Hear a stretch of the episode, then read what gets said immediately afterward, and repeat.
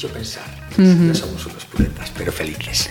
Pues, eh, Javier Olleros, alegrome moitísimo. Gracias, foi un placer, de verdad, cando que irades. Amor de los padres, eso nunca. A playlist. Javier, de verdad un placer. Un placer, gracias. Tenía muchas ganas. Non hai cancións de verde para dormir Non hai mistos para fumar Hola, saludos. Eh, tenemos de invitado para esta playlist a Pablo Cima de Vila, medallista paralímpico y ahora me lo va a aclarar él bien, lo primero de todo. Bienvenido y muchas gracias por aceptar nuestra invitación. Gracias por invitarme. ¿Joyero u orfebre? Orfebre es más el, eh, la persona que trabaja los metales eh, a nivel más grande, digamos, ¿no? Los que hacen, por ejemplo, restauraciones, objetos ornamentales para, para iglesias y demás, se consideran orfebres, eh, vajillas, candelabros. El joyero es eh, la persona que trabaja Exacto. en objetos más pequeños, que en este caso son las joyas. Uh -huh. O sea que entonces, jo joyero Joyero. Eh, CEO, que además lo he visto así que suena sí. muy... CEO de eh, Kamikaze Jewels. Bueno, la empresa realmente se llama Cimadevila Design. Vale, muy bien, empezamos es bien. El, Kamikaze Jewels sería la marca de joyas que estamos ahora creando para, para comercializar. Pero la empresa mm. realmente se llama Cimadevila Design. Cimadevila Álvarez. Exactamente. Que nacía un 12 de diciembre del 78 en Pontevedra. Y las dos primeras preguntas al respecto. Siete mesino, cuéntamelo. Bueno, pues como bien dices, nací un 12 de diciembre del año 78, el día que en Pontevedra estaba azotada por un huracán. Vale, ahí va la segunda. En huracán Hortensia. Bueno, esto es lo que te cuentan siempre los padres o mis abuelos, ¿no? Aquel día, Pabliño, hacía un día tremendo, se caían los árboles y fuiste a nacer tú. Bueno, la verdad es que sí, nací con siete meses, no contaban con, con que yo llegase. Mi madre realmente estaba en el baño, o sea, casi uh -huh. nazco en la taza del váter, como curiosidad. Y de hecho fueron al, al convento de Santa María y, sí. y bueno, al, al, hospital quiero decir, y, y, las monjitas le decían que no, que no, que se tenía que ir, que no estaba, que para no iban a hacer, que no estaba Pablo para salir todavía. Y mi padre se puso muy, muy nervioso porque le hicieron ir dos veces y uh -huh. la segunda vez dijo, esta vez no nos vamos, no se va de aquí hasta que me digan qué es lo que está pasando. Y lo que estaba pasando era que Pablo quería salir. Pese al mal tiempo. Entonces, eh, ¿te, eres, eh, ¿te gustan las tormentas? Por curiosidad, ¿te gustan las tormentas, los temporales? O... Sí, soy un, de un carácter fuerte y la verdad es que no, no, no me escondo con los eh, truenos. ¿Son truenos o relámpagos? Eh, Lo que hace ruido es trueno, ¿no? Siempre trueno es el que hace ruido y el relámpago es el de luz. El de la luz. El, vale. de luz. el que viene un poquito más tarde, uh -huh. ¿no? No, el que viene. Primero relámpago, primero relámpago luego trueno. Porque la velocidad del sonido es uh -huh. menor que la de la luz. Uh -huh. Estamos aquí hasta aprendiendo. Pues aquí sale, sale de todo, sale de todo. pues sí, me gustan las tormentas. ¿Padres? ¿Cómo se llaman esos padres? Pues mi madre se llama María Teresa, yo la llamo mamá, pero María Teresa Álvarez Aguillo y mi padre Emilio José Cimadevila Moreira. Pues me acuerdo incluso. ¿A qué se dedican? ¿Se dedicaban? Igual ya. Pues están, están... felizmente jubilados los dos. Ajá. Mi padre tuvo una tienda de animales en, en, la calle Sarmiento, enfrente de la iglesia de San Bartolomé, durante casi 40 años y bueno, se ha podido jubilar y ahora está disfrutando de, de una, una, merecida jubilación. De una merecida y, y relajante jubilación, cuidando de los 5.000 metros de finca que tiene que cuidar todos los días. Casi Así nada. que no, no, no se aburre. Y Pablo es el mediano de tres chicos. David y, y, Miguel, que a día de hoy forman parte de tu, de tu empresa. Exactamente, somos los tres en la empresa. Vamos a hacer la primera pausa con qué? Pues eh, podemos empezar con una canción para ir poco a poco increchendo. Yo diría que una canción que, mm, que pude escuchar en directo al, en la gala, o sea, en la ceremonia de clausura de los Juegos Paralímpicos de Pekín 2008 y es la canción de Paradise de Coldplay, que escuché con Rihanna. Rihanna y Coldplay la tocaron en la clausura de los Juegos de Pekín 2008.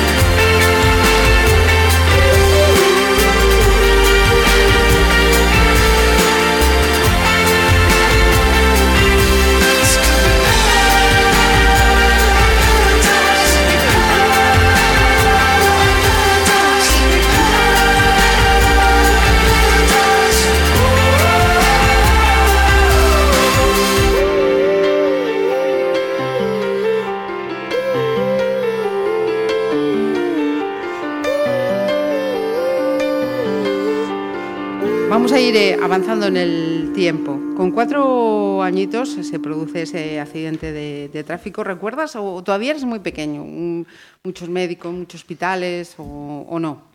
No, no. A mí con cuatro años me atropelló un coche en frente de, de casa de mis padres, donde ahora tengo el, la empresa, el taller de joyería con mis hermanos. Y no, no recuerdo con cuatro años. Yo no me. No creo que nadie recuerde. Bueno, siempre hay gente que te dice, no, yo recuerdo cuando tenía Sí, sí, ha habido años". gente que tenía recuerdos muy, muy tempranísimos. ¿eh? Sí, yo no sé si será verdad o no. La verdad es que tenemos que creer que es verdad eso de que la gente recuerda lo que hacían con cuatro años. Yo no recuerdo O lo que hacía que- la semana pasada. Difícilmente me acordaré de lo que hacía con cuatro años. A mí todo eso me lo contaron, ¿no? También es verdad que, que mi abuela, que tiene ahora 94, dice que ahora se acuerda mejor de las cosas eh, que le pasaron cuando era una niña que cuando era, bueno, cuando tenía 50 años. Que es como que cuando vas cumpliendo años... en- en- hay casos que pierde memoria, pero en el caso de otras personas como mi abuela, que parece que Van la gana. recuperando. Mira, ¿dónde estudiaste?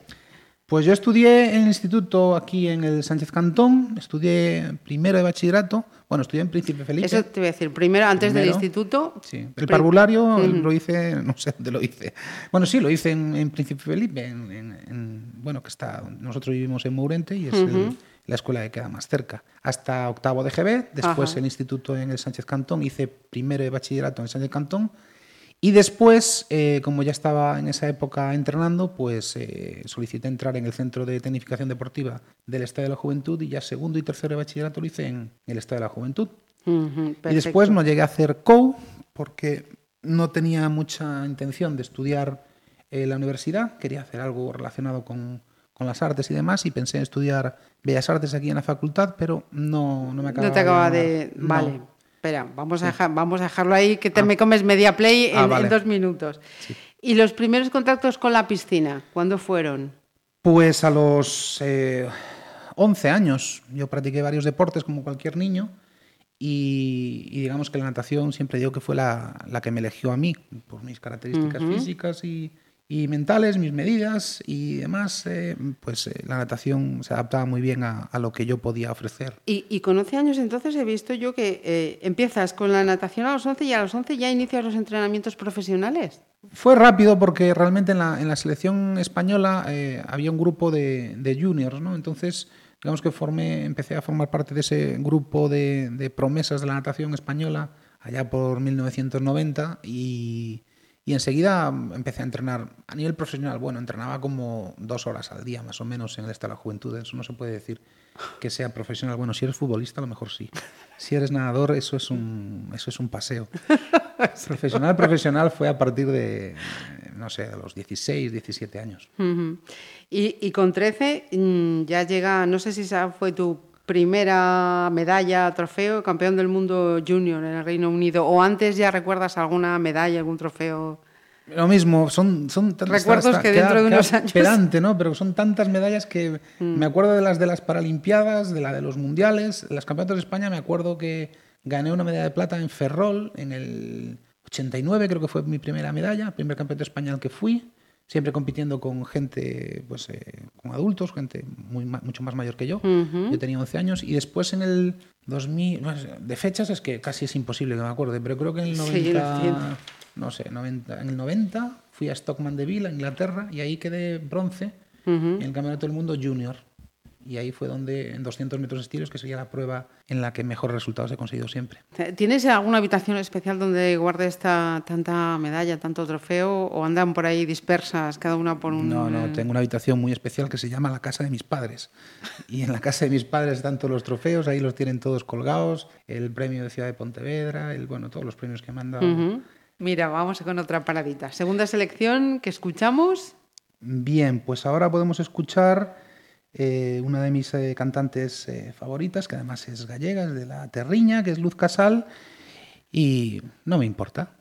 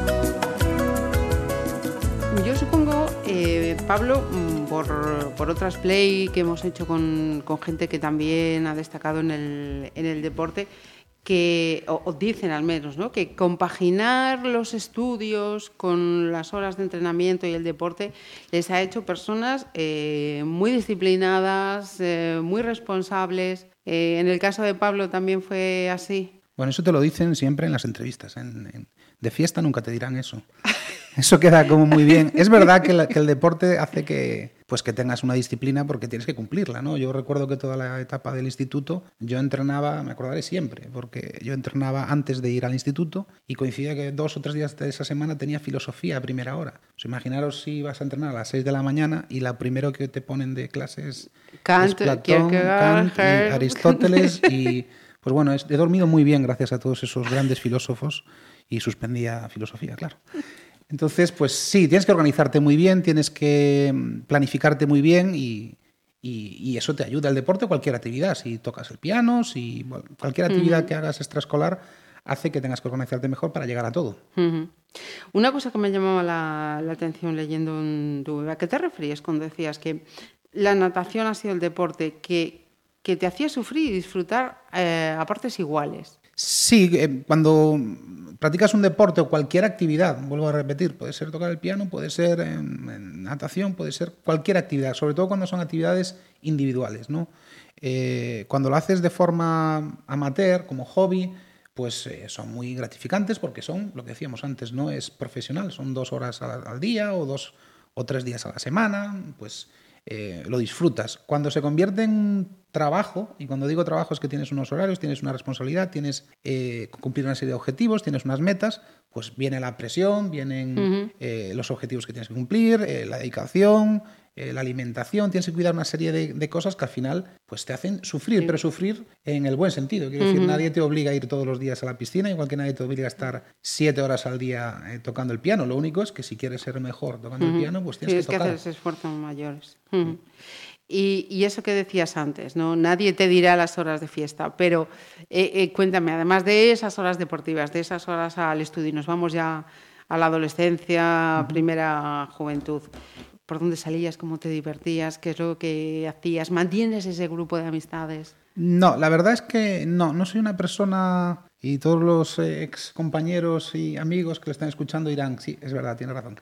No es una persona de mantener las amistades ni las relaciones, no sé, creo que he tenido muy buenos amigos tanto en el instituto como en la época en la que estudiaba joyería, pero se van perdiendo las relaciones, cada uno va tomando su camino, es verdad que todos somos eh, personas muy ocupadas y bueno, no me quiero justificar, pero por un motivo o por otro no, no soy de mantener esas relaciones, soy de, bueno, de que la vida tiene una serie de etapas, las vas cumpliendo y conoces una serie de gente y vas avanzando y conoces a otra eh, y lo que te queda realmente es, es, es la familia. Mm, con respecto a lo de salir y demás, lo bueno o malo, no sé, depende de cómo lo quieras ver, que tiene el deporte es que realmente estás tan cansado después de un día de una jornada normal o de trabajo, de instituto, estudiar y después eh, las horas que tienes que dedicarle al deporte, que tampoco es que salir de fiesta se convierte en una prioridad. La prioridad es, es descansar. Mira, y mm, con 20 años eh, te marchas a estudiar eh, arte superior de diseño eh, en la escuela Mestre Mateo de Santiago. Sí.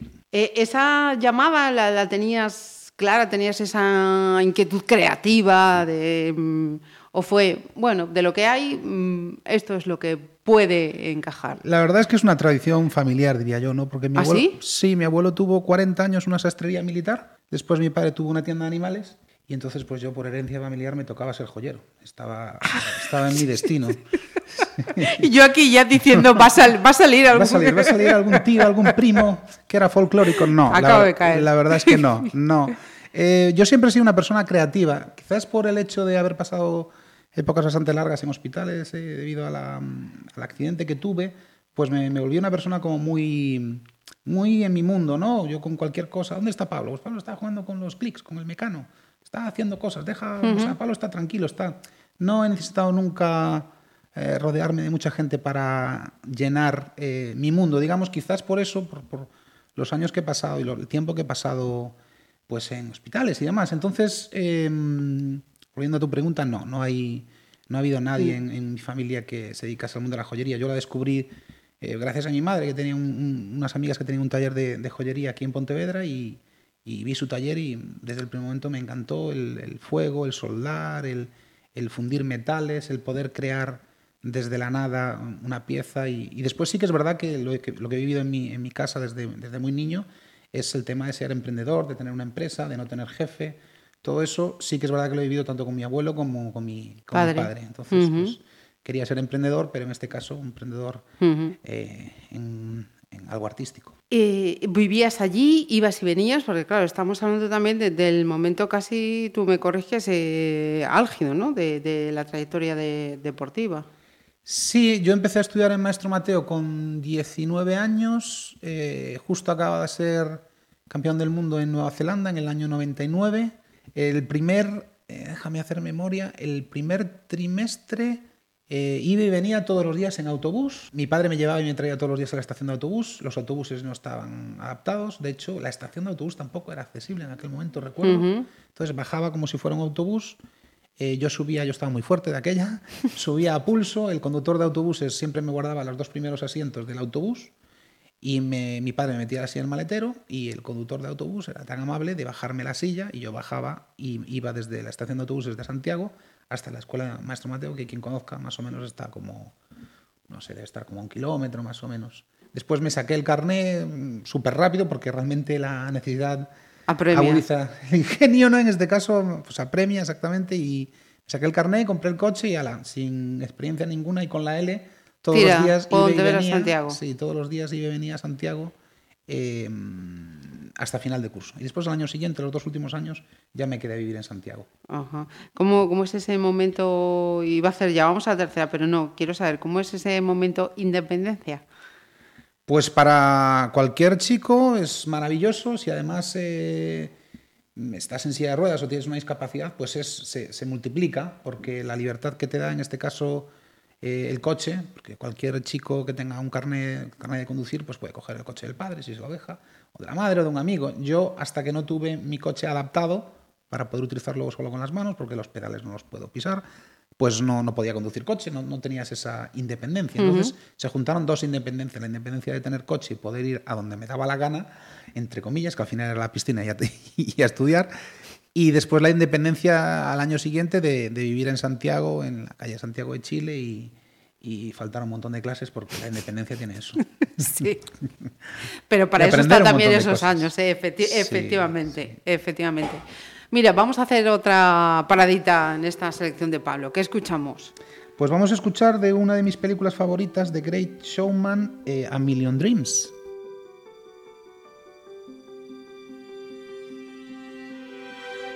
I close my eyes and I can see a world that's waiting up for me that I call my own. Through the dark, through the door, through where no one's been before, but it feels like home. They can say, they can say it all sounds crazy.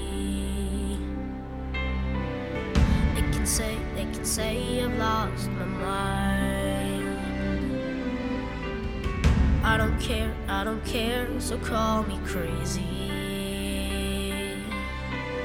We can live in a world that we design. Cause every night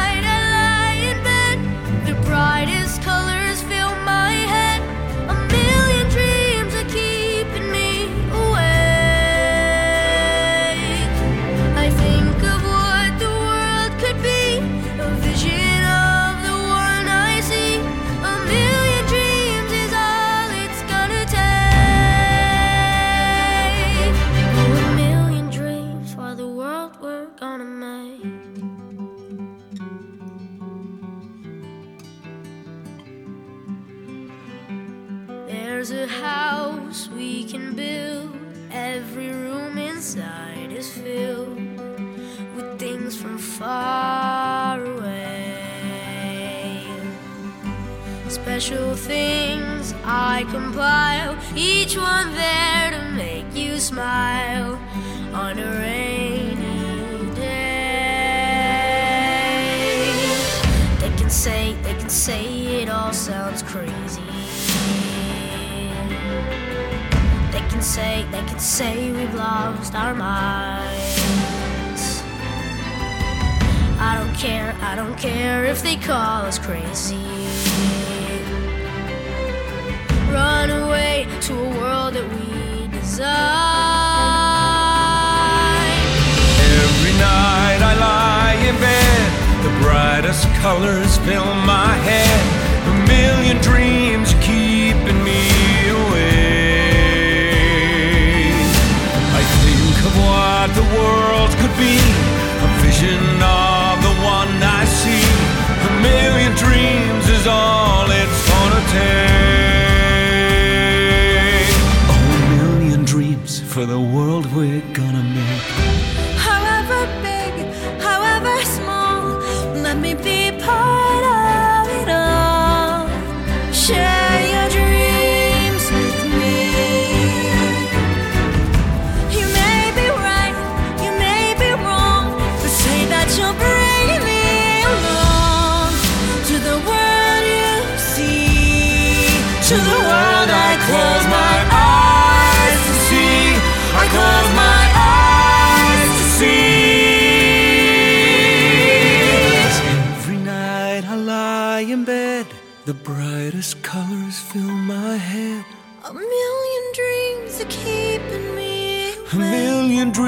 A million dreams. I think of what the world could be, a vision of the one I see. A million dreams is all it's gonna take. A million dreams for the world we're gonna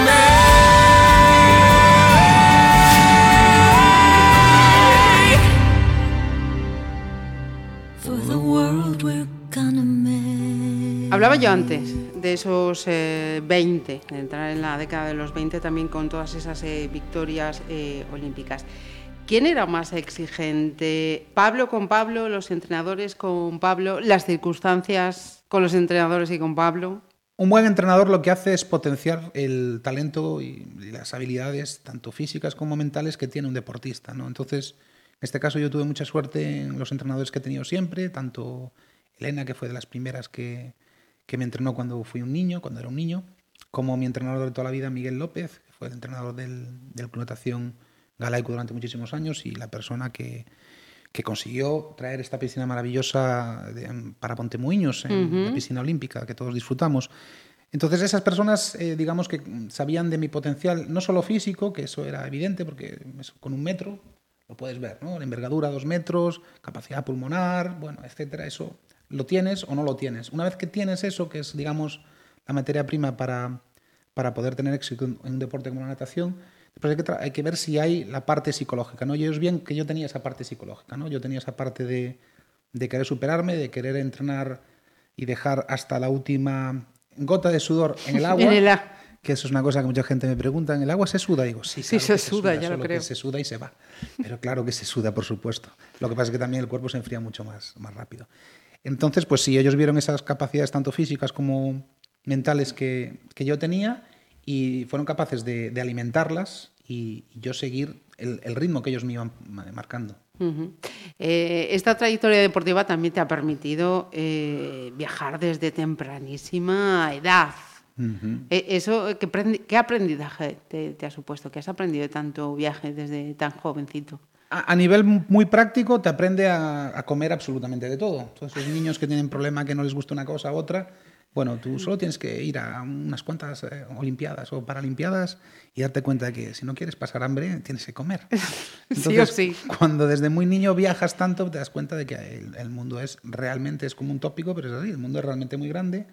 Cada país tiene una cultura diferente, tiene una forma de vivir, una forma de, de relacionarse, de alimentarse y te enriquece eh, muchísimo. Es eh, de lo mejor, por no decir lo mejor, eh, de, de poder practicar deporte a, a una temprana edad a, a- a este nivel. Y lo mencionabas antes, eh, también creo que fue el 2000 Premio Ciudad de, de Pontevedra. ¿Qué recuerdas de aquel día?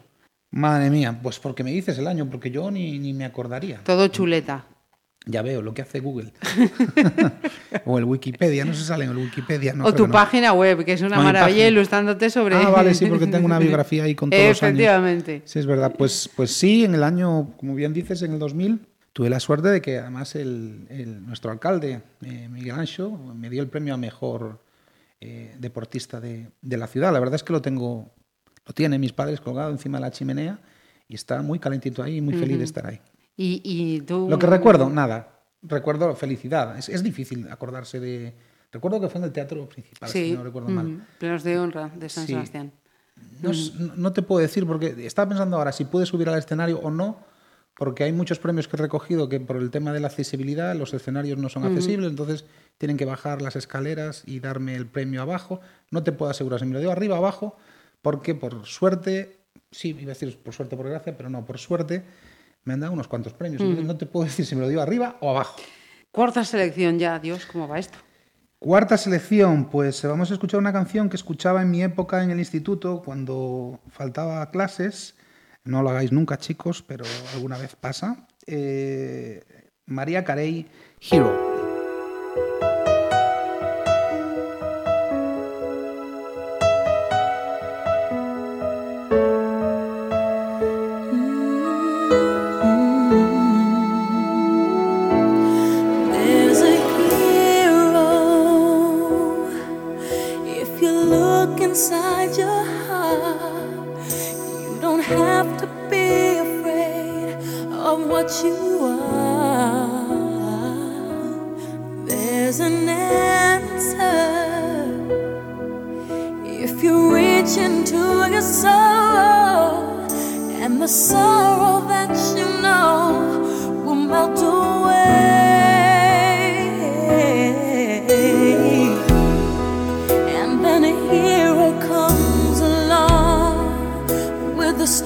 To carry on, and you cast your fears aside, and you know you can't survive. So when you feel like hope is gone, look inside you and be strong, and you'll finally see the truth that a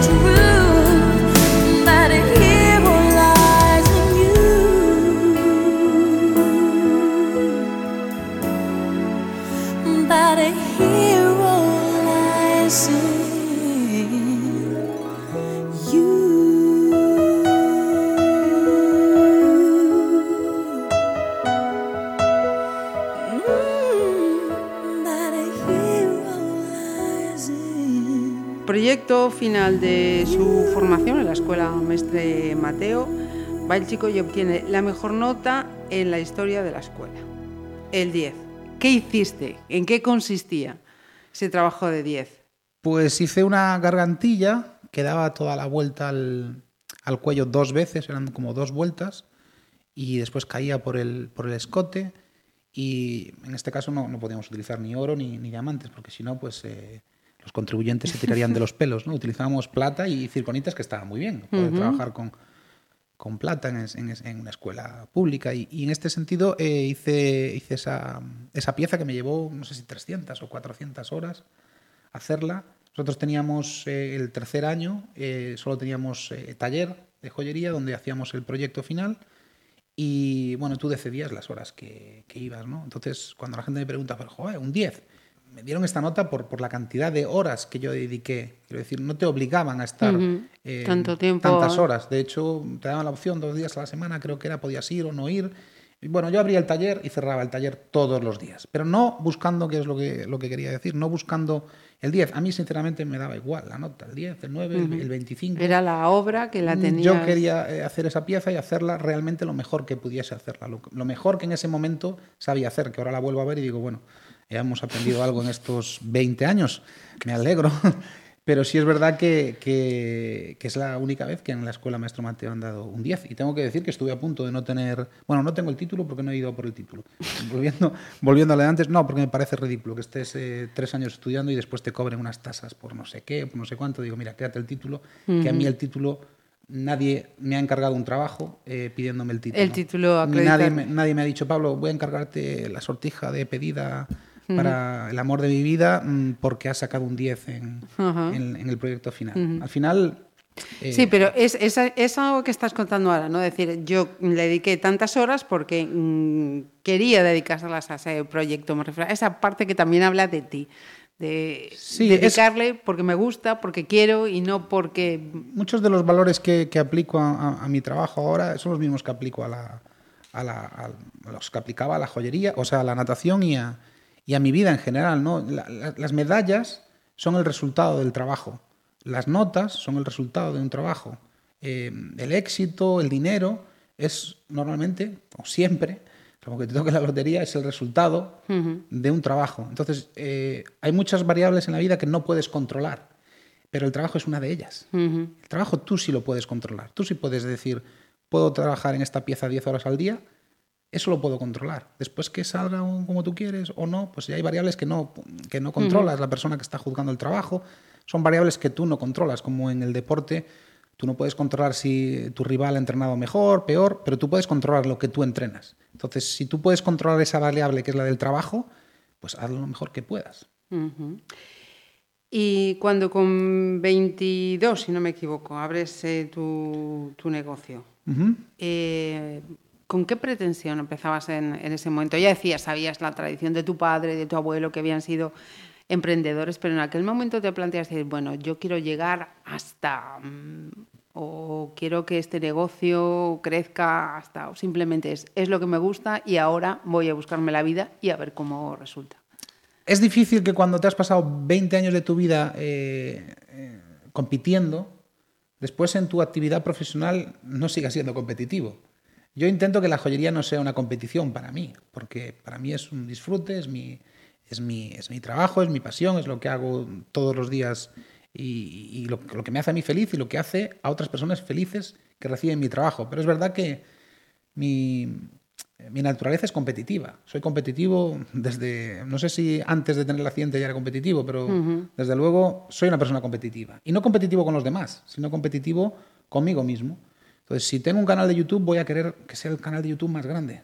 Si, si tengo una empresa de joyería, voy a querer que sea mm, la empresa de joyería no más grande a nivel de, de- Puntera. Sí, voy a querer que sea algo importante, pero no importante para que los demás me... Porque, porque es mi forma, es mi... Es mi Criatura. Es, es mi ADN, es, mi, es, mi- es lo que he vivido, lo que, es como me- lo que me hace feliz. Es difícil explicar esto porque suena... mm, Hay veces que suena como...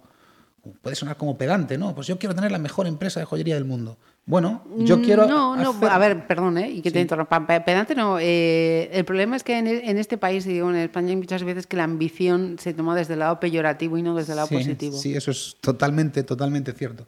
Eh, cuando era un niño con 11 años, eh, Galloso me llevó a, no sé si Sí, era lo he lugar, visto. lo has visto, ¿no? Preguntó, ¿tú qué quieres ser? Pues yo quiero ser campeón paralímpico. Bueno, lo decía con una voz de niño. Y, y él, claro, se rió y la gente que estaba ahí se, se reía, ¿no? Y unos años más tarde me volvió a llevar cuando ya fui campeón paralímpico. Esa no la vi. Pues esa tampoco sé dónde está. La tendrá mi madre o mi abuela seguro guardada. Eh, en el mundo de la joyería, pues bueno, mm, es difícil cuantificar qué es el éxito en el mundo de la joyería. No, no es el cine que dices, bueno, he ganado un Oscar. En la joyería no existen los Oscars.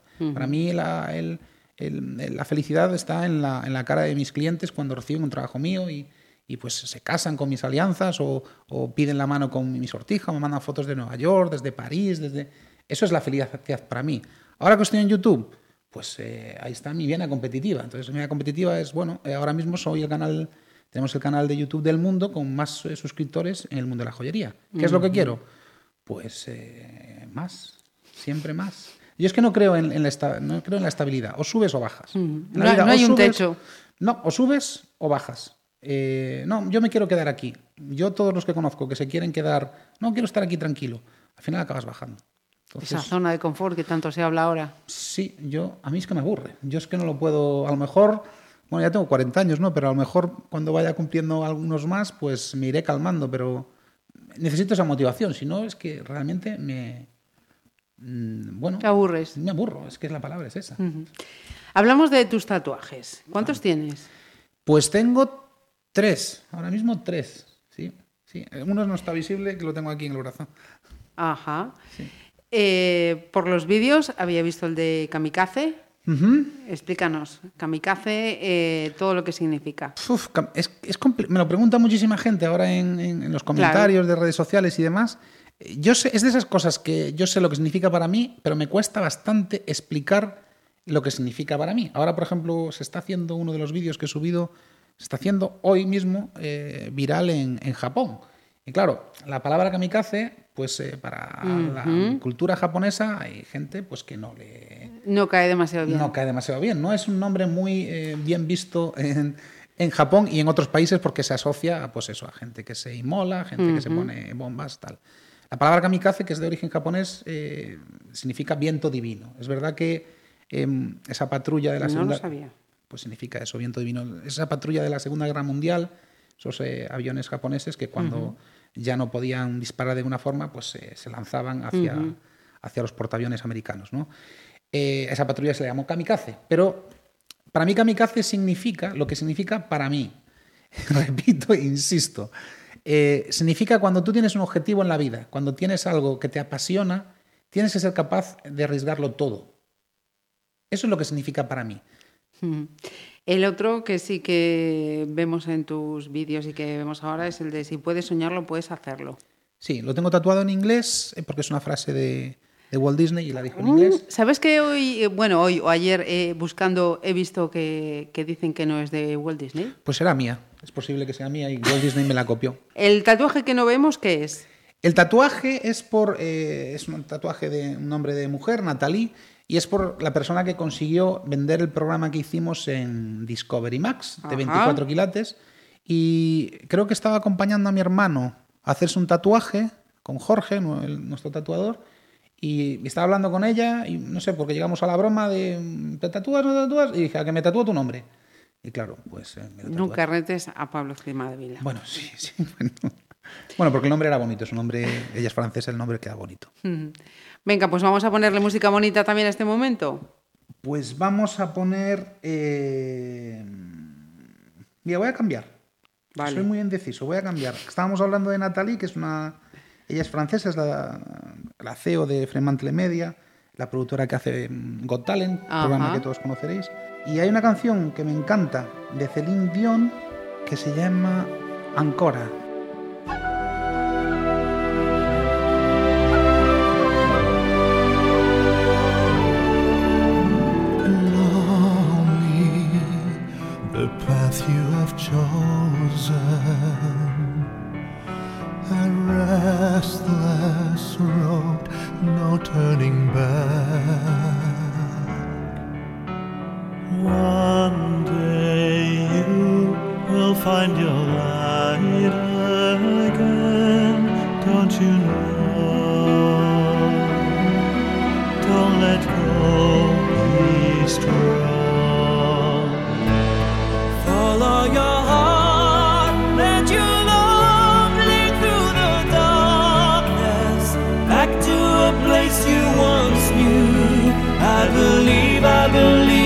Believe, I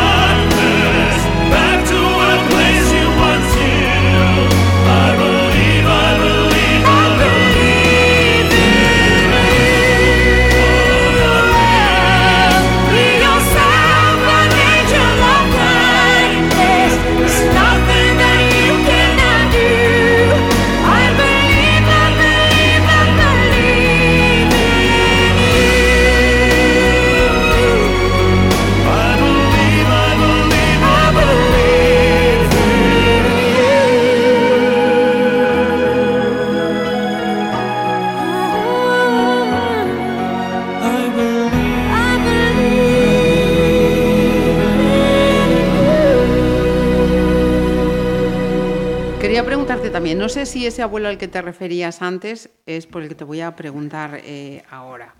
¿Es el, el mismo abuelo por el que hiciste esa travesía a nado aquí en la ría de Pontevedra? No, el abuelo por el que hice, bueno, por los dos abuelos, los cuatro abuelos y toda mi familia, que después me echan encima. No, eh, realmente lo hice por mi abuelo del Grove, Joaquín, que murió Ah. hace eh, cuatro o cinco años, ya te digo que de fechas, para mí es como si muriera ayer, pero... Pues ya mira, te lo años. recuerdo, 2005 fue la travesía. Pues eh, en esa época falleció mi abuelo, además una cosa muy especial para mí porque era, era- yo no tenía, cuando empecé en el mundo hace, bueno, dentro de los hobbies que, que tenía, es que son muchas cosas, eh, está el aeromodelismo, los aviones de, de Ah. radiocontrol, que, me- que eso no te lo pondrá en Wikipedia ni en ningún ¿No? lado, porque eso es una cosa que es para mí solo. Pero bueno, el caso es que mi abuelo era la persona que me llevaba, yo no era un niño cuando empecé con 15 años y era el que me llevaba a volar los aviones. Todos los fines de semana él venía del Grove y me llevaba a volar los aviones. Y, y me llamaron por teléfono, yo ya tenía, pues, pues hace 13 años, pues yo tenía 27, 28 años. Y yo ya estaba, estaba en la pista en Porriño, volando uno de los aviones. Yo ya tenía coche, ya tenía, bueno, ya era un adulto. Y me llamaron diciéndome eh, que mi abuelo había, había fallecido. A- Acababa de verlo al día anterior. Dijeron, no, está estable, tal. Bueno, me voy a volar los aviones, tal. Por la tarde vengo y lo veo. Pues ya no lo vi. Y es de esas cosas curiosas, ¿no? Y uno de los recuerdos que tengo de él es de ir a volar los aviones y después de él, se- de la edad del Grove. Y mm, bueno, no, no, todos los abuelos están orgullosos de su nieto, ¿no? Pero en este caso él, con el deporte, la natación y demás, él era, bueno, entonces se lo merecía absolutamente. Todos los abuelos Sí, se lo merecen. Mm, sí, sí. Eh, ¿Disfrutas todavía a día de hoy de un abuelo y una abuela? No, una abuela solo. Una abuelita. Mi, mi abuelo Emilio, de aquí de Pontevedra, que tenía el, el- el taller de, de costura, que trabajaba para. Bueno, tenía un taller de, para fabricar ropa militar, eh, donde después mi padre tuvo la tienda de animales en, en San Bartolomé. Eh, falleció también hace un par de años. Ajá, vale. Y queda mi abuela Maruja, joder, Maruja, no, Josefa, que tiene ahora 94 años y lleva diciendo que se va a morir hace 25, puede ser. Hay fillos, y y, nos- mostrar que para... Y nos va a enterrar a todos, que lo sepáis. ¿eh? Como mi abuela os diga, estoy muy mal, al día siguiente caéis, vamos, al pozo todos. Está fantástica y sobre todo la cabeza como la tiene. Es verdad que el cuerpo, pues el cuerpo con los años se va deteriorando y 94 pues ya son unos cuantos, ¿no? Pero la cabeza, vamos, eh, yo, yo si tengo que hacer un- que me recuerden algo, se lo pregunto a mi abuela. Ajá. No eso te digo todo. Vale. Que ni Google, la, la- agenda ya, ya. No, no, la- vamos, si te, te- se pone a cantarte la nana que, can- que te cantaba cuando tenías eh, tres años y, y eso sí, el, hay la, los- la artrosis y las rodillas y tal, eso es la, la cuarta palabra que sale de su boca es la artrosis, pero bueno, es normal, si no te puedes quejar con 94 años, ¿cuándo te vas a quejar? Ni más ni menos. Déjala que se queje, está, como- está feliz, pero déjala. Dejaste la natación, la última competición olímpica, tengo anotado, fue la de Londres. Eh, dejó de motivarte, ya te requería más tiempo del que te apetecía o podías dedicarle. Bueno, eh, me golpeé, mm, lo reventé con la cabeza, el techo de cristal, ese eh, famoso que, que, que hablan, ¿no? Me di cuenta que daba igual, o sea, daba igual una medalla que cinco que 25 medallas. Mm, eh, nunca iba a tener el, el- el reconocimiento eh, en proporción al esfuerzo, ni a los resultados. Entonces llegó un momento en el que dije, individualmente, como individuo, yo ya he cumplido todos Estás- los objetivos. Yo ya he sido campeón paralímpico, he tenido un récord, del mundo, sigo teniendo el récord de Europa en 200 estilos desde hace 10 años. Mal no nadaba. Eh, 10 años mantener un récord de Europa, del mundo no, pero el de Europa sí lo sigo manteniendo. La verdad es que es como para estar orgulloso. Es una marca que los, los deportistas, los nadadores que me estén escuchando, sabrán a lo que me refiero. ¿no? Al margen de las medallas, las marcas. Y bueno, pues esta marca es una marca que ha quedado ahí. Es, es- es importante para mí. Pero me di con ese techo, ¿no? De decir, bueno, ¿yo para qué voy a seguir? Si, si, si es que, mm, ¿para qué? Yo tengo ya mm, 37 años o 36 cuando lo dejé. Eh, tengo toda la vida para disfrutar de mi otra pasión, que es la joyería. En la de la natación he hecho todo lo que estaba en mi mano. Me he, nadado, he intentado cruzar el Canal de la Mancha, he, he ganado cinco medallas paralímpicas. Eh, he nadado una travesía aquí en Pontevedra, esto se lo tengo que recordar a, no sé si es del alcalde, vamos a reclamar un poco, ¿no? Ahora que Venga. estamos así, vamos a reclamar un poco. Bueno, pues yo nadé una travesía que nadé desde Conbarro, Conbarro, sí, desde Conbarro hasta enfrente, que es Aguete, Ajá. y después vine nadando hasta el puente de los tirantes. No sé hace cuántos años, porque tú tendrás tu Sí, yo creo que es la que, la que hablábamos La de antes del 2005. abuelo. Vale, sí, la del sí, abuelo. sí. Y esa la hice un poco, pues eso, pues para reivindicar en, en el buen sentido, ¿no? Con cariño, con... es decir, mira, la gente me pregunta, pero, pero, pero, pero, tan, tanto nada, tanto... Digo, mira, esto que voy a hacer hoy es lo que hago todos los días. No, es lo que hago en dos días. Porque eran 18 kilómetros nadando, pues yo nadaba aproximadamente 8 o 10 kilómetros al día en dos sesiones diarias, pues en dos días es lo que yo hago. Y os lo quiero que lo veáis físicamente, quiero que veáis físicamente lo que es eso. Entonces, si tú te pones en el mirador que hay precioso ahí en Conbarro y miras a Sí, Guete, sí. bueno, eso lo hice en una hora nadando. Y lo gracioso de eso es que la gente me llevó en coche hasta Conbarro, yo empecé a nadar y claro, tenían que ir al primer puente. No estaba todavía el puente este nuevo que han hecho, estaba el siguiente, claro. sería el del Burgo, entiendo. Ujú. Fueron al puente del Burgo y fueron... ta- Bueno, pues yo llegué antes que ellos. Entonces, y después eh, vine nadando hasta, hasta el puente de los tirantes. ¿Y qué quiero decir con esto? Pune- puse mis manos, eh, una losa de, de cemento, puse mis manos en Conbarro, puse mis manos en Aguete y puse mis manos en el puente de los tirantes. Y todos los políticos de turno dijeron, no, esto vamos a hacerte un homenaje, vamos a ponerlo ahí, tal, esto es increíble lo que has hecho. Bueno, pasaron las elecciones, ya se olvidaron de todo, Eso te iba a decir, ¿dónde está? pues no está. Entonces, eso es uno de los motivos por los que uno va perdiendo, eh, no la ilusión, porque la ilusión de nadar, eh, nadie me va a quitar la ilusión de nadar ni tal, pero sí la ilusión de decir, pero yo para qué estoy haciendo esto cuando esta gente no reconoce al nivel... Yo soy el primer deportista gallego de la historia en ganar una medalla en unas Olimpiadas. Me gustaría que, no sé si lo puedo repetir, ¿lo puedo repetir? Sí, sí. Eh, el presidente de la Junta de Galicia no sabe que yo soy el primer deportista gallego de la historia en ganar una medalla para Galicia. No lo sabe porque se lo pregunté yo. Y ¿usted sabe quién soy yo? En el buen sentido. O sea, Sí, sí, usted, sí. usted, hola, hola, ¿qué tal? ¿Vos ¿Qué tal? Un chico en silla le da la mano en una cosa que hice en, en La Coruña, en, que me invitaron de la mm, Fundación María José Xove, que les hice unos pines de oro. Ajá. Y me invitaron a entregar los pines y yo digo, por curiosidad, vamos a ver si el presidente, el presidente de todos los gallegos sabe, Sabe- sabe, quién soy yo en el buen sentido, o sea, no Sí, en sí, plan sí. prepotente, solo Ajá. quiero saber, no lo sabe. Entonces digo, seguro que sabes quién es Rafa Nadal, seguro que sabes quién es David Cal, por supuesto, seguro que sabes quién es eh, Ronaldo, pero tú no sabes eh, quién es la persona que ha ganado la primera medalla de oro para Galicia, no lo sabes. Entonces es como, todas esas cosas te van, dices, no, esto se ha acabado, se ha acabado, y si, si aquí no lo saben ver, pues ya buscaré otro sitio donde lo sepan. Donde lo vean. Se acabó el Primero momento reivindicativo, ¿eh? No, Se no, pues aquí Pero es, cabe es de- por explicar, es por explicar que no es, es, es, es triste. Hay veces que lo dicen de ser profeta en tu tierra, Y lleva razón.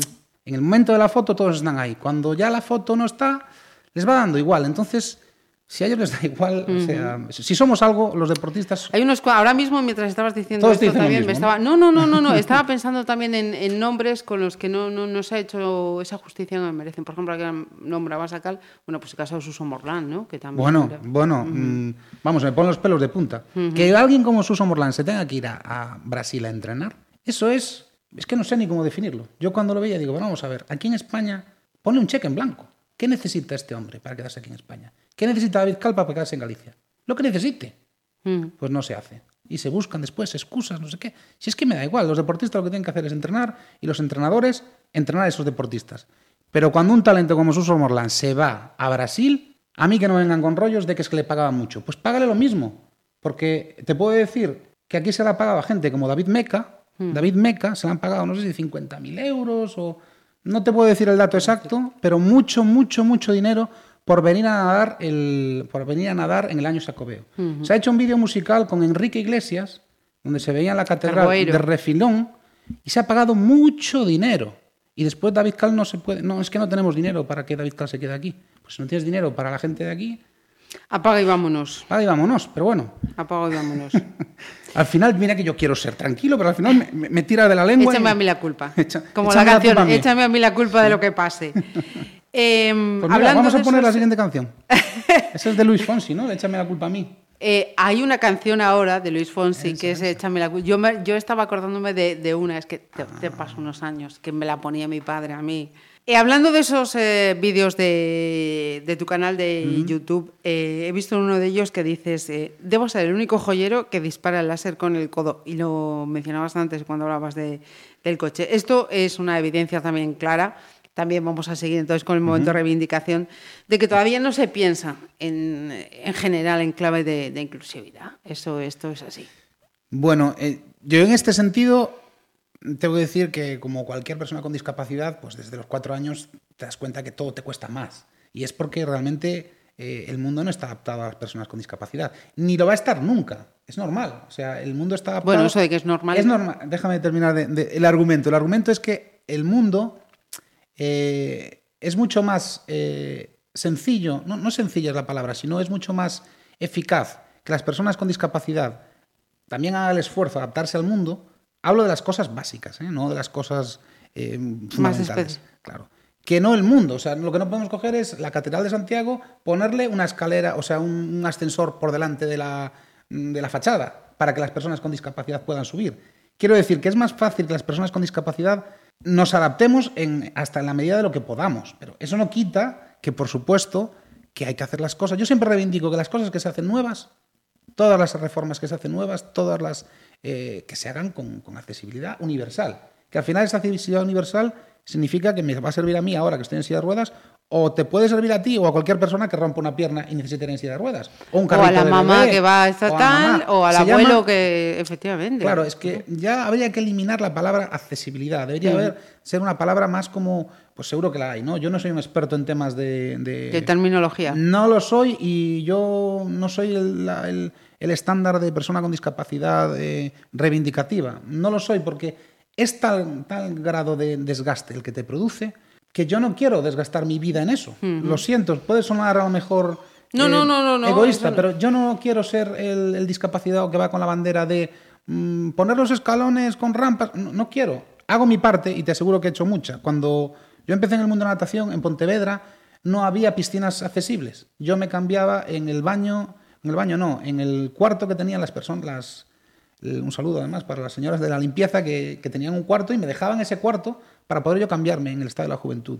y, y Eduardo Lamas, que en aquel momento era el, el consejero de, de deportes, hizo una rampa que, que se lo agradezco un montón en aquel momento, era una rampa imposible de subir, eh, pero la hizo. Y en aquel momento era como, fíjate, qué bien que han hecho esta rampa. Lo que pasa es que sí que es verdad que el que no ha vivido lo anterior, ahora solamente ve lo que hay. Y entonces es como que le parece todo mal. Y es que no está todo mal. Y menos en esta ciudad. En esta ciudad, en Pontevedra, mm, bueno, no voy a venir yo a decir la cantidad de premios que se han ganado en esta ciudad por su accesibilidad. Aunque el ayuntamiento no es accesible, eso también lo tengo que decir. Lo tengo que decir. El ayuntamiento, nuestro principal edificio, no es accesible. Hay otros eh, edificios que sí, pero ese en concreto no. Entonces, eh, no tienes que dejar que, que tu situación eh, defina quién Tú- eres. Ujú, ujú. Entonces, para mí eso es súper importante. Perfecto. Y sexta, Es esta canción, vamos a poner la de Luis Fonsi, la de Échame la culpa a mí. venga. Fonsi. Oh no, ¿qué pasa de mí? Hey, yeah. Tengo en esta historia algo que confesar. Ya entendí muy bien qué fue lo que pasó. Y aunque duela tanto, tengo que aceptar que tú no eres la mala, que el malo soy yo. No me conociste nunca de verdad. Ya se fue la magia que te enamoró. Y es que no quisiera estar en tu lugar. Porque tu error solo fue conocerme. No eres tú, no eres tú, no eres tú, soy yo.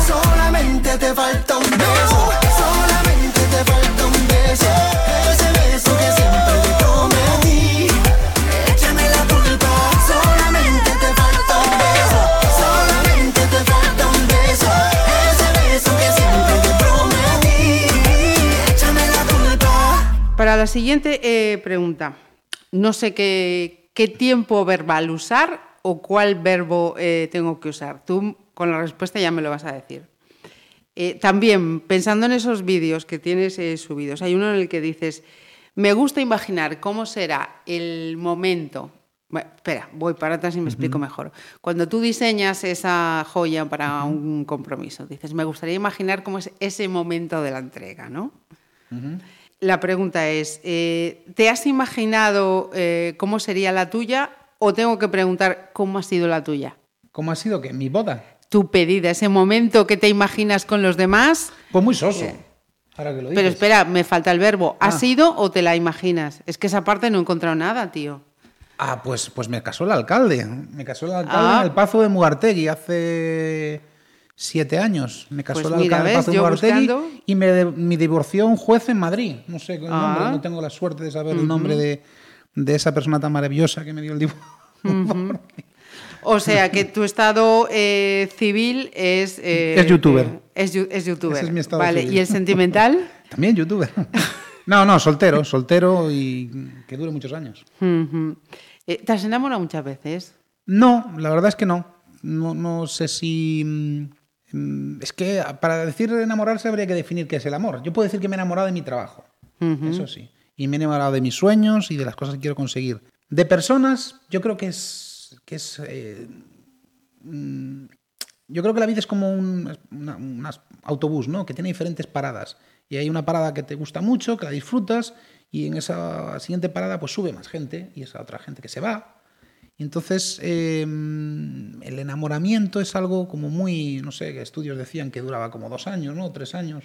Sí, bueno, de- depende. Yo decía hasta los cinco, ¿no? Ese momento de cinco ya. Claro, tal, empieza a bajar, baja, entonces mm. después se convierte en una costumbre, o, o no, no lo, sé, no lo sé, sinceramente. Hay casos, hay de todo. Eh, Para, los ejemplos prácticos están para romper la teoría. Claro, yo no, no dedicándome a hacer alianzas y anillos de pedida. Viva el amor. No voy, a, no voy a ir en contra del amor. De todas formas, si os casáis, me encargáis las alianzas, os separáis y necesitáis otras alianzas, sabéis que estoy ahí. Oye, las despedidas eh, de, o, o mejor dicho, las eh, vueltas a la soltería se celebran cada vez más, ¿eh? Vamos, yo, sea que- yo llevo cinco años celebrándola. o sea, que fíjate. No, no, hay que, no hay que hacer, y menos hoy en día. Afortunadamente la sociedad ha avanzado, hemos evolucionado un montón y lo que antes, pues imagínate, en la época de que se casó mi madre, si separarse era como se te venía el mundo. Una tragedia. Una tragedia. Ahora mismo, evidentemente, yo no lo pasé bien, nadie creo que lo pasa bien, porque el- el que se casa, en teoría... Es con una perspectiva, una perspectiva sí, de, mm, de crear algo que, una- que dure para toda la vida. ¿Lo pasas mal durante un tiempo? Fatal, horriblemente mal. Pero después te das cuenta, y eso es también, estarás de acuerdo conmigo, a medida que vas cumpliendo años te dices, yo tengo una frase, que realmente son dos palabras, todo pasa. Ay, es que tienes que entregar este trabajo, es que no llegas. a-". Todo pasa, Pablo. Es que se ha estropeado una... Todo pasa. Es que te has divorciado. Si es que todo pasa. También. Si es que todo pasa. Entonces, ¿te, te quieres No, quedar? no, no hay mal que 100 años dure, aunque algunos peinen canas, que decíamos falta. Bueno, pero es que los problemas son o no son un problema en función de cómo tú los afrontes. Por eso hay personas que con situaciones de, de vida muy difíciles son felices, son capaces de, de- de- de- de ver lo positivo o de lidiar con esa, con esa situación vital. Y hay personas que se ahogan en un vaso de agua. Entonces, yo como nadar, sé nadar, pues... eh, ahora ya tengo contra la- corriente y con la corriente Claro, es que- de tal, como te venga. pensar y después sí que es verdad que como tengo ahora una visión muy global, pienso, si hay 6.000 millones de personas en el mundo, 3.000 millones o más, creo que sois más mujeres que, que somos hombres, ¿no? 4.000 millones. Limitarse solo a una, yo creo que algo está mal. Ah, Una- no, re- no, más que o, una o nos toda lo la vida. planteamos o nos lo planteamos mal. Una toda la vida, quiero decir, Ajá, ¿eh? sí, no se me sí, entienda sí, el que le dura toda la vida, fantástico, mis abuelos estuvieron casados 70 años, yo feliz, ojalá, pero si no dura, pues... eh, Vida solo hay una y para qué estar condenado a algo que no te satisface, Yo con lo que no estás tal, para... No entiendo. Y creo que además mi- mis mujeres estarán de acuerdo conmigo. Ella estará feliz ahora, igual que yo. Entonces se trata de buscar. eh, ah, esta frase siempre la, siempre la utilizo, ¿no? Porque es como muy descriptiva, ¿no? De, de- de esta, de lo que estamos hablando, ¿no? A John Lennon en la escuela le preguntaban, eh, John, ¿qué, qué es para ti? ¿Qué es lo que quieres ser de mayor? Y John Lennon decía, pues yo quiero ser feliz. Y la profesora le contestaba, eh, bueno, creo que no has entendido la pregunta. Y yo no le decía, creo que usted no, no ha entendido la respuesta. Pues eso es al final lo que uno tiene que buscar en la vida. La felicidad. Si para ti la felicidad es tener tres, cuatro hijos y estar casado con la misma persona toda tu vida, pues ole para. Avante. Si para mí la felicidad es estar hasta las 4 de la mañana editando vídeos de YouTube, pues de momento Pues para mí por esa es mi felicidad. Y que no me lleve a la contraria, igual que yo no te la llevo a ti, con tus eh, tres hijos y tus, Sí, sí, sí, sí, y tus comidas los domingos en casa de la suegra. Mm, Tú respetas lo mío, yo, Y yo respe- respeto lo yo tuyo. respeto lo tuyo. Eh, mm, entonces, concluyo que en esta parte así más eh, personal, tampoco te cierras. Más del corazón. A- Ahora mismo sí. Ahora mismo sí. Sí, ahora mismo sí. Ahora mismo... Todas las ocupaciones a full y no me Cuando digo, más. es que yo intento ser una persona muy honesta, ¿no? Entonces, cuando la gente dice, no, nunca te puedes cerrar al amor. A ver, el amor ocupa tiempo. Yo no quiero dedicar ese tiempo porque tengo otros objetivos ahora mismo. Yo he dedicado ese tiempo, he dedicado 10 años de mi vida a estar con una persona y dos años casado con esa persona. Son 12 años en los que eh, hay un tiempo que has disfrutado, que has vivido, que has, eh, que has disfrutado, porque lo has disfrutado. Eh, En, en ocasiones, evidentemente, si estás 12 años con una persona es porque estás bien. Entonces yo estaba bien, estaba feliz, pero ahora lo veo en perspectiva y digo, yo no quiero ahora dedicarle el tiempo de, em, eh, ostras, pues, tengo que mandar un WhatsApp porque, porque, tengo, porque tengo una pareja y tengo que dedicarle tiempo. No quiero dedicarle tiempo a eso. ¿Qué surge? Pff, eh, yo, Pues como otras tantas cosas que pueden surgir. yo no estoy, estoy cerrado. ¿Qué significa estar cerrado? No está en mis planes. No, no es una cosa que, la- que- voy diciendo, "Mm, voy a ver si lo encuentro. No, es más, intento esquivarlo porque sé que te lleva mucho tiempo. Eh, la siguiente pregunta lleva un nombre de mujer de la que hemos hablado antes, pero toca séptima selección. Séptima selección, pues, pues si vamos a hablar de, de una mujer, vamos a hablar. Sí. Ah, vale. De mi madre, espero, ¿no? ¿No? no, que- no he tenido más, más mujeres, así que, bueno, mujeres de casarme me refiero. Pues Kylie Minogue, I Should Be. Venga. Kylie Minogue con- estuvo en la ceremonia de inauguración de los Juegos de Sydney 2000, donde yo gané el oro, así que la pude ver en el escenario. a, así chiquitita como es. Chiquitita, aunque el escenario parecía más grande, pero sí, la australiana Kylie es una crack absoluta.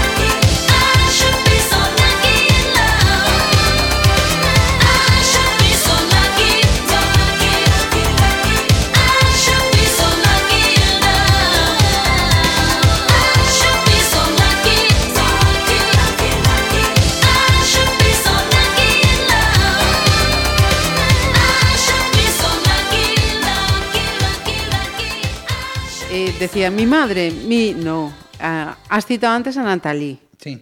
Vale, pues quería preguntarte precisamente con esa, ese, ese momento televisión 24 Ajá. eh, quilates, eh, ¿cómo se planteó eso de decir, venga, vamos a abrir, a abrir tu, tu realidad, tu vida cotidiana, a esa cajita que la vea...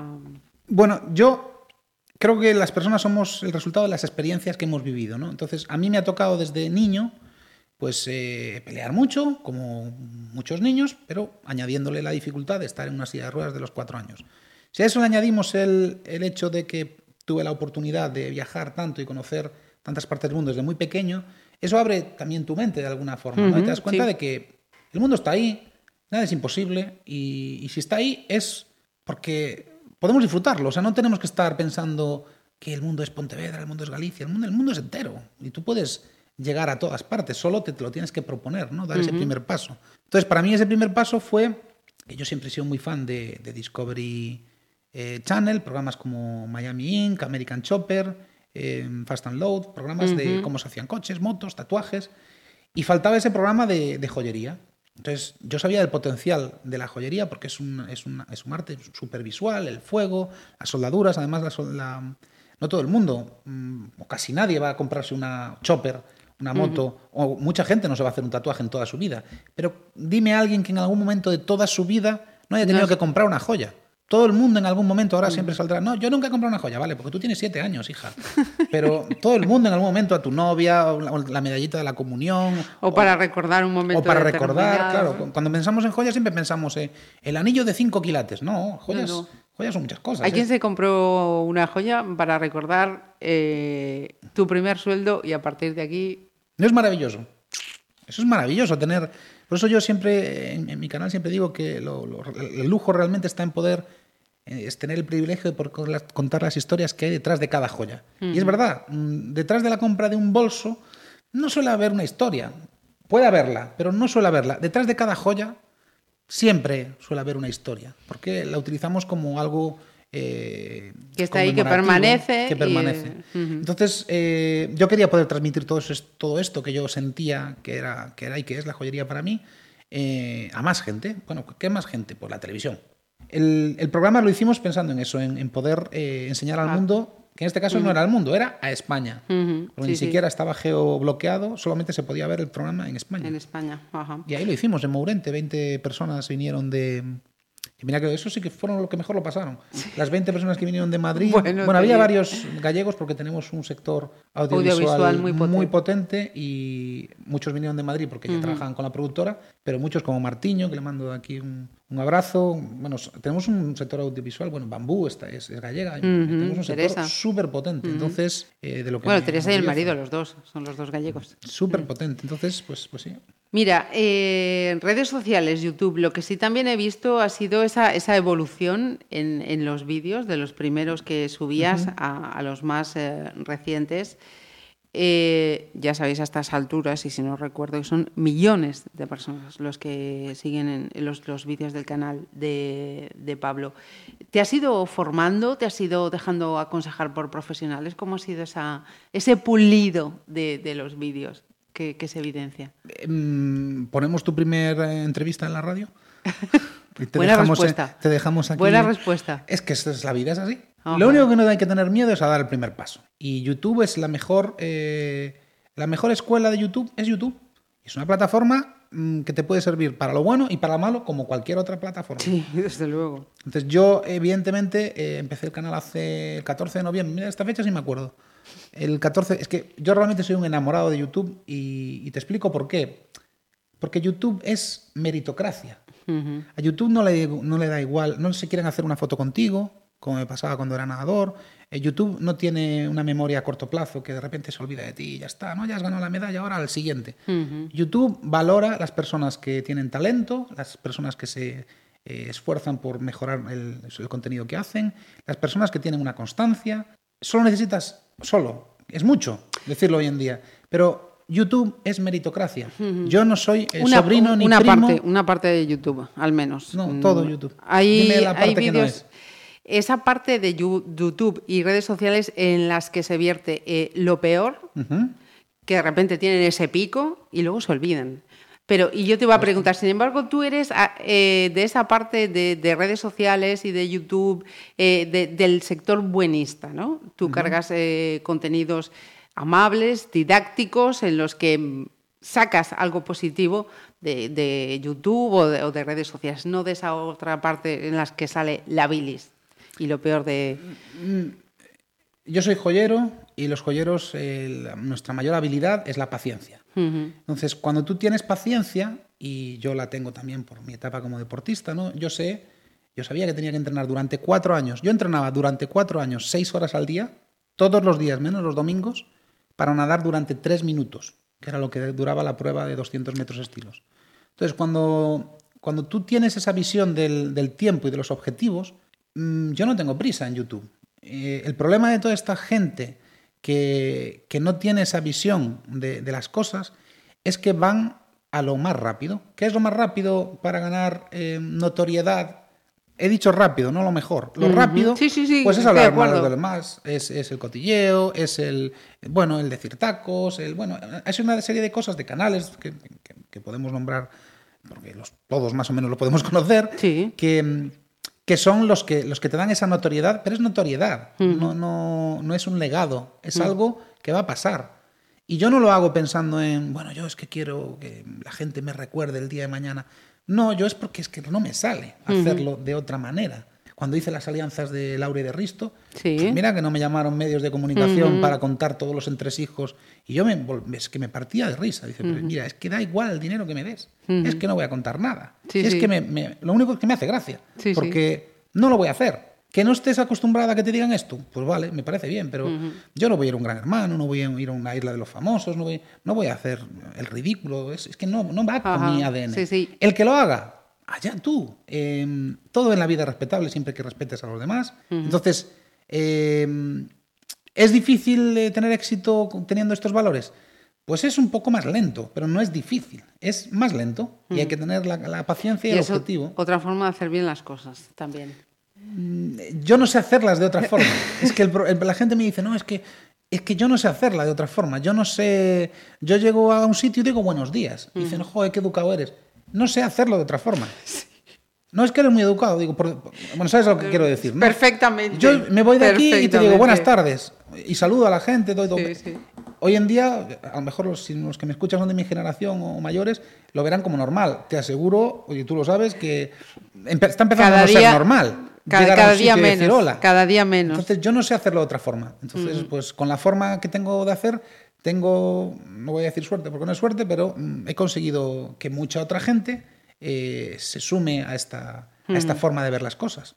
Perfecto. Octava selección, que todavía queda alguna pregunta más de estos selección, vamos a decir, eh, bueno, estamos hablando de joyería, pues eh, de Rihanna Diamonds. Shine bright like a diamond. Shine bright like a diamond.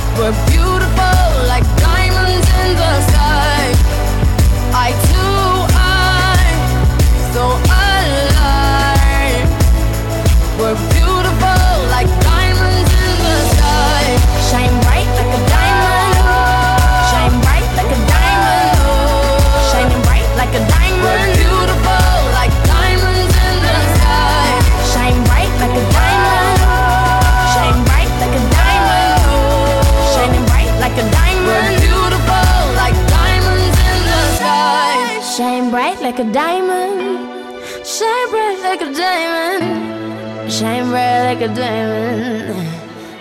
So shine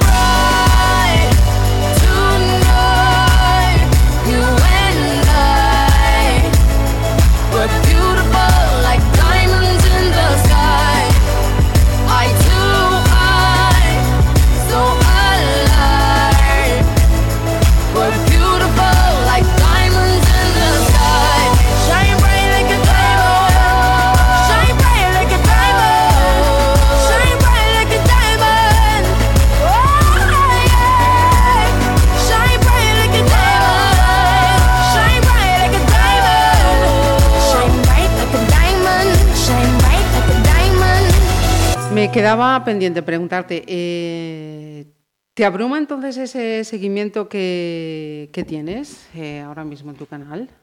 No, no. Mentiría si dijese, sí, uff, me siento súper presionado. Hace cuatro meses que no subo vídeo. Si me sintiera presionado, ya hubiera subido vídeo a la semana siguiente. Sí, sí. Hay que entender también que YouTube es relativamente reciente, hace pues poco más de 10 años que YouTube está Abierto. existe, ¿no? De 2006 o 2005 creo que está. Y que tenga mucha repercusión, realmente 3, 4 años, ¿no? no, no, no es mucho más. Pero también es verdad que dentro de 3 o 4 años vamos a, Puede tener un, haber canal, vamos a tener un canal que será la televisión española, entre la 2, la gallega, y que seguirá Galloso con Luar, y después estará eh, el botón de YouTube. Y la gente verá YouTube, porque lo más valioso, para tener éxito en YouTube hay que entender a la audiencia. Igual que para tener éxito en la radio o para tener éxito en la televisión, hay que entender eh, lo que la gente espera de A ti. saber. Claro, hay que, hay que eh, hacer ingeniería inversa, hay que ver. Para eso que- está ahora, como dice, la comunicación 3.0. Esa... No sé, yo muchas de las cosas que aplico, después hay gente que se dedica al marketing que le pone nombres. Sí, sí, no, hay, hay nombres para Hay todo. nombres para todo y es alucinante, ¿no? Estuve en lo de la conferencia esta de Fluor Ajá. y muchas de las cosas que yo decía, no, no, es que eso se llama ruptura de patrón. Cuando yo de repente en un vídeo toco una campanita y dice, no, es que eso lo haces muy bien, la ruptura de patrón, porque eso hace que la gente se enfoque en lo siguiente. digo, ni, ni, ni puñetera idea. ¿De qué? Yo lo hago porque, porque mola, porque a mí yo veo mucho cine, veo muchas series, veo mucho contenido audiovisual y veo los ritmos, veo las- cómo editan. Yo veo una película y, y veo, pues fíjate, esta, esto lo han hecho con un, con un, bueno, con una grúa o esto lo han hecho, esto es una esta transición de Edward Wright, por ejemplo, eh, hace unas transiciones que me encantan. Bueno, analizo las cosas y después intento aplicarlas a un formato como YouTube. YouTube tienes 20 segundos para captar la atención de la gente. Sí, no, olvídate. Mm, Si son las 8 de la mañana, tienes 10 segundos. En 10 segundos tienes que haber sido capaz de captar la atención. Después tienes que mantener esa atención y después tienes que dejarles con un buen sabor de boca. Hay otra cosa que también has, has dicho en, en esos, en esos vídeos y que me parece que no es un ejercicio nada fácil. Dices, eh, he tenido que aprender o he aprendido a decir que no. Sí, es lo más difícil. Suena, es de estas cosas que, que a mí me dan como un poco vergüenza ajena, ¿no? Es como cuando la gente que tiene mucho dinero dice, el dinero la da felicidad. Digo, vete a tomar por saco, tú. ¿No? Y esto de la gente que dice, no, yo he tenido que aprender a decir que no. Suena como eh, ap- aprender a decir adiós y aprender a decir que no, creo que son de las cosas más difíciles que uno tiene que... No es aprender, sino es hacer. Porque aprender no hay un aprendizaje, es simplemente primero darte cuenta que no, no a todo el mundo le va a gustar eh, tus decisiones, ni le vas a gustar tú. Eso es genial en las redes sociales, porque y yo En este sentido, mm, tengo que decir que la gente me quiere mucho. ¿Por qué? ¿Será por el que el contenido es muy eh, familiar, es muy, yo no ofendo a nadie, yo no intento vender a través de las redes sociales, yo no, Cierto. no es un teletienda, o sea, yo enseño mi No, no, trabajo. son muy didácticos. Claro, eh, yo enseño mi trabajo y si la persona eh, siente que se le mu- mueve algo dentro, que necesita hacerme un pedido, pues ya me, ya me buscará, ya buscará mi correo electrónico, ya buscará. Mm, el decir que no, cuando, cuando, cuando me refiero a decir que no, me refiero a que si tú tienes un objetivo y ese objetivo va creciendo y el objetivo no, el- el- los resultados hasta llegar a ese objetivo van, van teniendo, vas teniendo éxito, ¿no? En este caso, pues más seguidores, cada vez que tengo más seguidores o más vi- visualizaciones, tengo más pedidos. Eh, si, si vemos ese objetivo con una línea recta y vemos esos pedidos como caminos que se van bifurcando, no llegas nunca al destino. Porque no puedes hacer más Sí, te contenido. pierdes en- Claro, empiezas, ah, mira, es que tengo que hacer una sortija para Australia, ahora tengo que hacer una... Si yo ahora mismo tuviera que hacer todos los encargos de todos los mails que recibo a diario, mm, tendría 10 vidas. Porque Sí, no, no, no das abasto. no das abasto y suena en una época en la que estamos de bueno que mucha gente no lo está pasando bien que el trabajo y demás suena es difícil yo yo cuando a mi padre digo papá pues tendría que hacer Ya, esta pero es lo que sortija te decía antes, eh, ese, porque tenemos que tener, cuando tú te esfuerzas, cuando tú consigues tus objetivos, ¿por qué tienes que sentirte mal por los resultados de haber conseguido eso? pues porque vienes de una época yo creo que lo he analizado mucho ¿eh? Sí. vienes yo nunca o sea no siempre he tenido el éxito que puedo tener ahora entonces yo vengo de una época en la que si alguien me encargaba una sortija de 6.000 euros yo estaba dando palmadas con las orejas dos meses me explico no no no te hablo de hace un año ni hace dos pero Ujú. cuando yo empezaba la joyería de repente el primer encargo que hice fue al carpintero que nos hizo las puertas del taller que dijo ah bueno pues te voy a encargar una esmeralda para mi mujer vamos yo feliz. Ahora pues mira hoy ha venido alguien al taller con un montón de arreglos y yo ya ni, ni la he atendido yo la ha atendido mi madre y le ha dicho mira es que Pablo no hace arreglos eso no me cuesta, porque los arreglos realmente, salvo que sean cosas para mis clientes o una restauración de una pieza antigua, yo no hago arreglos. Es algo que no, no, no hago porque no me, no me gusta. Sí, sí, lo has dicho no lo hago. Entonces, eso sí que no me cuesta nada decir que no. Desde el principio he dicho que no a eso y ya está. Pero de repente que tenga ahora un encargo de una sortija mm, 6.000 euros para Australia con un zafiro, es una pieza que además me gusta hacer en platino, y que le haya dicho que no, pues es como yo soy una persona, me considero una persona humilde, entonces pienso, digo, a ver si te la vas a tener que tragar después. ¿Sabes? En plan, ahora dices que no. Sí. Pero claro, digo que no porque mm, el objetivo que tengo ahora mismo es seguir creciendo en las redes sociales, seguir eh, creando mi marca, mis piezas, mis diseños. Entonces, si me pierdo, entre comillas, perder, ¿eh?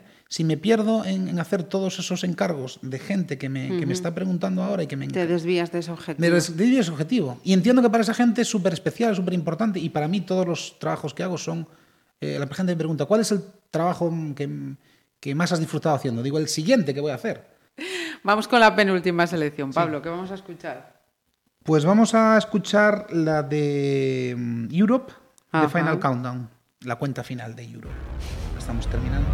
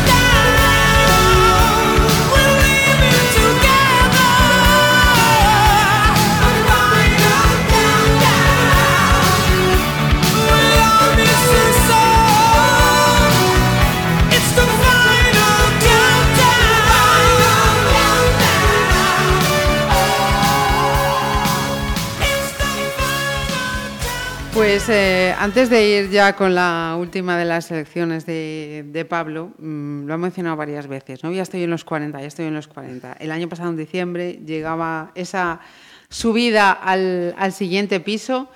¿Esa subida te hizo mm, repensar eh, sobre tu vida, sobre ti, sobre tu futuro? ¿O fue un año más? Eh, si digo nada en absoluto, mm, mentiría. Yo este año en agosto hará 40 37 años que estoy en una silla de ruedas. El cuerpo no está hecho para estar en una silla de ruedas. Los riñones no están hechos para estar en una silla de ruedas. Mm, ¿Viviré hasta los 80 años? Eh, muy probablemente no. Desde luego hasta los 94 y con la cabeza que tiene mi abuela, no. No, es que la ciencia avanza mucho. Que sí, que todo eso lo sabemos. La discapacidad que yo tengo no es que me falte una mano, no, no me amputado una mano. A mí tengo una, una paraplegia. Los riñones no me funcionan igual, mi espalda no está bien. Bueno, no me quiero. Paz con mi abuela ahora. ¡Ay, qué bueno! El gen de la ya, El- ya el- el gen de la Josefa. Yaya. Bueno, toda esta, toda esta mm, pesadilla de introducción en... ¿tienes una Sobre los 40. ¿Tienes una aspirina? No, quiero decir que mi, mi forma de, de afrontar el futuro yo creo que es un poco diferente a cualquier persona eh, que no tiene una discapacidad como la que tengo yo, ¿no? Una persona que tiene una esclerosis múltiple, pues, eh, ¿cómo afronta el futuro? Es que es complicado. ¿Qué vas a hacer cuando tengas 50? Pues yo qué sé. Pues de Eh, momento vivir mañana de y el pasado mañana y el Entonces yo en mis siguiente. planes era, con 40 tengo que ser millonario. No por el dinero, ¿eh? que a mí el dinero, mm, como has podido comprobar en la entrevista, no es que me mueva. Pero es como, el dinero es una de las cosas que ahora se me tirarán todos encima, pero me da igual, ¿no? Pero en esta sociedad capitalista y consumista en la que vivimos, por desgracia o por suerte es la que tenemos, yo creo que por suerte, en muchos aspectos, uno de los factores que define el éxito es el dinero. Entonces, como yo quiero ser una persona que tenga éxito, quiero tener dinero, mucho dinero. Entonces, con 40, la pasta.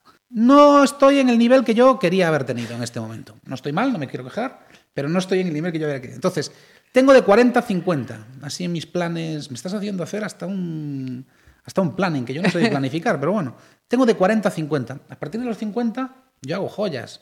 Eh, las manos, eh, el pulso, mm, la vista. Hay una serie de, de factores pues que es como el deporte. O sea, tú no puedes ser un joyero al nivel de alta joyería que yo hago eh, con 70 años. No puedes como joyero. Entonces tengo tre- 10 años para cumplir eh, todos los objetivos. Está el, hay un vídeo del, del CEO de, mm, creo que es de Amazon, sí, Bezos, eh, que explica muy bien lo que hay que hacer en las diferentes etapas de la vida. ¿no? Y explica Ah, eso, muy que bien. cuando eres joven lo que tienes que es intentarlo todo. Que no te importe fracasar, que no te importe el dinero.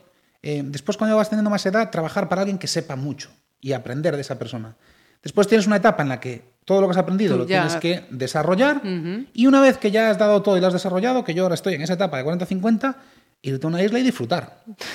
Entonces, mi isla espero que sea Pontevedra, si todo, si todo va bien. Playa tenemos ahí en, en el río también. Playas las que queramos. Entonces yo tengo de 40 a 50 en principio, pero a la, a la pregunta de ¿te da cosa cumplir años? No, me da cosa no cumplirlos. Ese look que llevas desde hace más o menos un año, creo, ¿no? Has dejado la barba Me encanta, que le llames, me encanta que le llames look a no cuidarse. Gracias. Va- vale, era la pregunta que te iba a hacer. Eh, ¿Es una cuestión que has, que has buscado o te has ido dejando y ya ves, pues así, este es el Es resultado? una de las ventajas de no tener novia. Que no tienes que estar guapo para nadie. No, creo que ha sido la suma de varias cosas. La primera, el pelo largo. Nunca he tenido el pelo largo. Es un absoluto Mm. rollo tener el pelo largo. Y yo, nadando lo que nadaba dos horas al día por la mañana, por dos horas por la tarde, Era impensable. impensable. O sea, ahora yo preparo la mochila para ir a nadar y meto un secador de pelo y es como, Dios mío, esto es una tortura. Entonces, nunca había podido tener el pelo largo por eso. Ahora, como eh, no estoy nadando ni de lejos lo que nadaba antes, pues digo, voy a probar a tener el pelo largo. Nunca había tenido barba así larga, digo, voy a probar a tener barba. Eh, bueno, hice una promesa en uno de los posts que hice en, en mi Instagram de que hasta que tuviera mi marca de joyería creada, eh, no me cortaría la- el pelo ni la barba. La barba me la he tenido que cortar porque si no se me llenaba de oro, porque ya me tocaba en la, en la, en la La mesa. mesa. Pero el pelo sí que es verdad, no me lo he cortado. Y no sé, vamos a simplificarlo, ¿no? Es que es la crisis de los 40 y me hago tatuajes, me dejo el pelo largo, vamos a simplificarlo y ya está. La gente que piensa lo Yo que le quiera. sobraba, le, so- le quitaba lo de la crisis, ¿eh? La crisis de crisis. los 40 no. No, pero si los 40 son los nuevos 20, ¿no? Efectivamente, con esa mentalidad vivimos, por lo menos algunos que nos llamen ilusos. Eh, ¿Te sientes persona ejemplarizante? Eh, sí, sin quererlo. No voy a mentir. O sea, si yo entro en los comentarios de YouTube o entro en todo lo que me escribe por todas partes, si tú me haces esa pregunta, es porque tú sientes que es así también. Si no, no me harías esa pregunta. No creo que le preguntes eso a... No, le preguntarás a alguien que tú crees que, que lo es. Siento que mis acciones son ejemplares, yo no me siento ejemplar. O sea, lo que yo intento transmitir sí que puede inspirar a mucha gente, porque eh, la ventaja, no todos son desventajas en estar en silla de ruedas, ¿no? El hecho de... mm, Yo, yo en la conferencia que, que di aquí en Fluor, El flúor. ya. eh, el hecho de yo subir a un escenario con silla de ruedas, aunque yo no hable de discapacidad, ya es una inspiración, sin yo quererlo. Yo no quiero ser inspiración. o, sea, o sí quiero, pero que aunque no quiera, lo soy. Está ahí. Está ahí, porque subes al escenario en una silla de ruedas. Ya eres una inspiración. De repente dices que tienes dos millones de suscriptores y que tú, que 50, personas, 50 millones de personas han visto Vieron tus el- vídeos. Ujú. Pues eh, da igual lo que yo diga. No voy a decir, es que da igual si estás en silla de ruedas o no, lo importante es cumplir tus objetivos. Creo que Actitud. a pesar de estar en un medio en el que prima la palabra, las palabras están sobrevaloradas. Son más importantes las acciones, en, en- en como yo eh, lo veo. Entonces, Y en la este gente caso te la ve- actitud, sobre todo Claro, la la, gente te ve y, y ya ve la, la- ya ve la superación, ya ve la inspiración, si la quieren ver y si no la quieren ver, Pablo, ¿con qué vamos a terminar? Pues vamos a terminar con una canción de Imagine Dragons que se llama Demons, que básicamente viene a decir que mi reino va a llegar, My Kingdom Come. Y eso es lo que espero que pase. Pues así esperamos. Es la primera vez que he tenido ocasión de hablar con Pablo.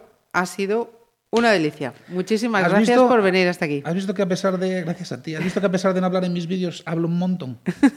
La gente que me dice es que este chico no habla, este hombre ya no habla. Digo, sí, Pero tiene hablo. su explicación, pero no la vamos a dar aquí. Que vayan al canal Eso y es. lo vean, Y que ahí está la respuesta. Se suscriban. Muchas gracias.